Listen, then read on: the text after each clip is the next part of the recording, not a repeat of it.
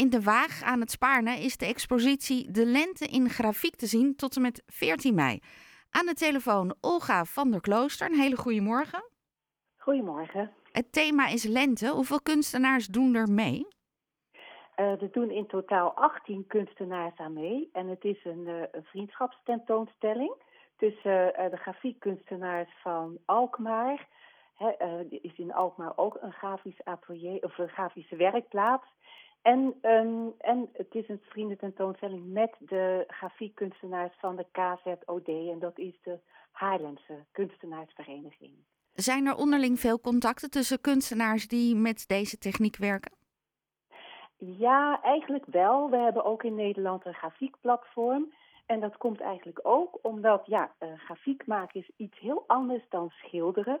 Het wordt ook minder vaak uh, uh, beoefend grafiek, omdat het, ja, het heeft ook meer, het is een meer ambachtelijke uh, kunstvorm. Je moet heel veel meer dingen uitoefenen voordat je tot het resultaat komt. Dus vandaar ook dat het minder vaak wordt beoefend dan schilderen. Dat staat wat sneller op papier ook.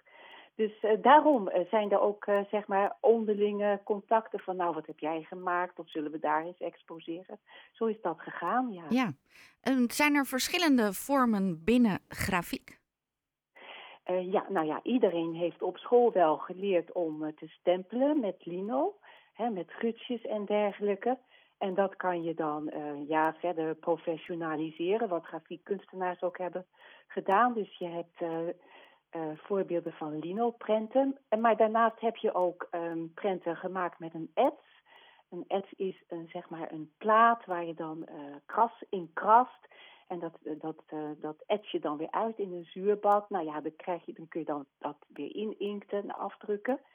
En um, daarnaast heb je ook lito. Uh, lito is uh, een hele oude ambacht, haast uitgestorven kun je zeggen. En dat is een, een zandsteen, helemaal vlak, vlak geschuurd. En daar breng je dan een tekening op aan, inkt je in en dat druk je dan af op papier. Dus die voorbeelden zijn er op de tentoonstelling ook te zien. Uh, het, bijzondere van grafiek is ook, en daarin onderscheidt het zich ook van schilderkunst, is dat het reproduceerbaar is. Dus je kunt oplages maken van 10 of 20 en die afdrukken zijn meestal wel ongeveer hetzelfde.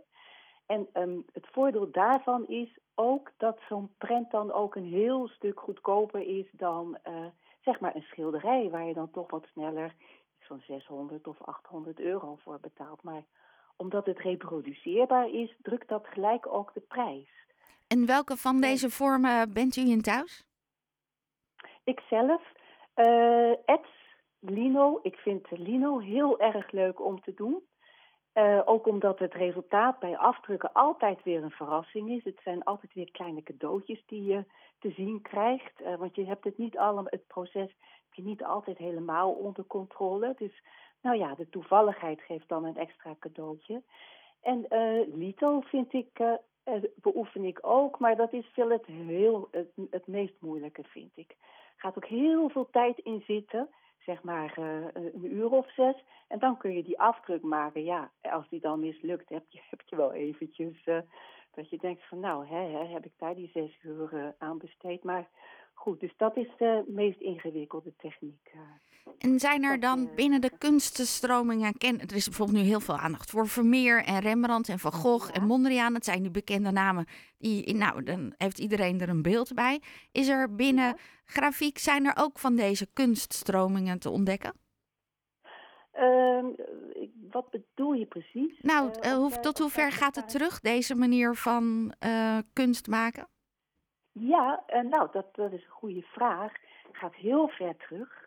Uh, lino en houtsneden, want lino lijkt ook op houtsneden, dus ook met gutjes in hout uh, uit krassen.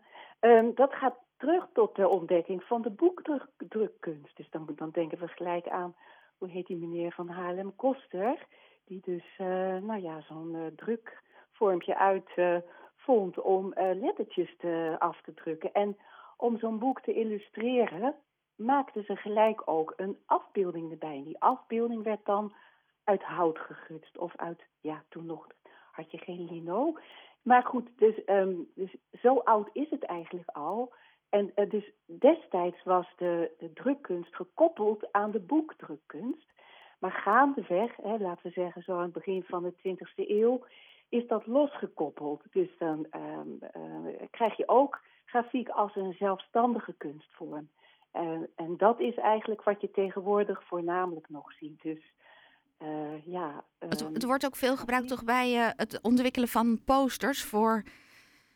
Uh, om, ja, ook, ja, dat heb je dus met die litho-kunst gehad. die litho-kunst is zo'n beetje ontwikkeld, laten we zeggen, eind 19e eeuw. En dat hebben heel veel mensen gebruikt om affiches te kunnen reproduceren. Want dat wilden ze dus graag. Ze wilden niet één afbeelding, maar ze wilden er gewoon 50 om in de stad op te hangen of om te, op te plakken op zuilen. Dus daar werden die posters van gemaakt met die litho-drukkunst. Ja. Eigenlijk kun je zeggen dat de litho-drukkunst het mogelijk maakte om de kunst eh, zeg maar bij een veel groter publiek bekend te maken. Dus de etsen van Rembrandt die konden worden overgezet op een, op een litho-plaat. En dan kon je dat eh, zeg maar 100 keer of 200 keer reproduceren. Nou, en zo kwamen mensen in contact met, of zo zagen mensen dan voor het eerst hoe het werk van Rembrandt eruit zag. Ja, ja het klinkt niet alsof je dit uh, uh, thuis kan doen. Klopt dat? Uh, ja, Lino kan je thuis op de keukentafel doen, zoals ik dat ook doe. En, maar met etsen heb je zuurbaden nodig. En dat is, soms is dat heel erg giftig. Dus dat, dat moet je beter in een atelier doen met goed goede afzuigapparatuur. Hoewel ze tegenwoordig ook wel zoeken hoor naar goede, afbreekbare, milieuvriendelijke producten. Want daar zijn we ons ook steeds meer bewust van geworden. Dat je niet alle producten zomaar kunt gebruiken. En nu is het natuurlijk het uh, leuk, want in die expositieruimte hangt er werk van 18 kunstenaars. Dus dan zie je ook hoe verschillend uh, je met grafiek bezig kan zijn. Ja, precies. Het is dus lino en ieder heeft dat weer op zijn eigen manier uh, uitgevoerd. Dus dat maakt de tentoonstelling ook heel gevarieerd. En uh, dus daar zie je ook voorbeelden van lito en van lino, maar ook van etsen. Die heb je dus ook. En, um, maar ook het, leuke van deze tentoonstelling vind, vind ik zelf ook, is dat het allemaal ook hangt in uh, Galerie de Waag. En Galerie de Waag, de Waag is een van de oudste monumenten van Haarlem op zich is het al een prachtig gebouw om er eventjes uh, te zijn, om binnen te stappen. En um, ja, ik vind zelf altijd, ik vind het altijd leuk om daar te surveilleren ook, omdat je, het is, ja, ik vind het een soort uitkijkpost. Je komt daar de galerie binnen, het trouwens gratis toegankelijk. En je komt daar binnen en je kijkt, nou ja, er zijn vensters rondom en je kijkt uit over het prachtige Spaarne en over de stad Haarlem. Dus het is altijd even leuk om even naar binnen te wippen als je in de buurt bent. Zeker. En vandaag kan het ook? Ja, eh, we zijn open van uh, eh, 1 uur tot, tot en met 5 uur op vrijdag, zaterdag en zondag. Aan Spaarne nummer 30. Ja, het is links van het Tijdens Museum. Een paar pandjes links van het Tijdens Museum. En het is een trappetje omhoog en dan zie je daar een grote rode deur. Nou, dan kun je gewoon uh, de speeltrap op en dan kom je vanzelf in de galerie uit. Ja, Olga, dankjewel voor je uitgebreide verhaal. We weten nu al iets meer van uh, grafiek.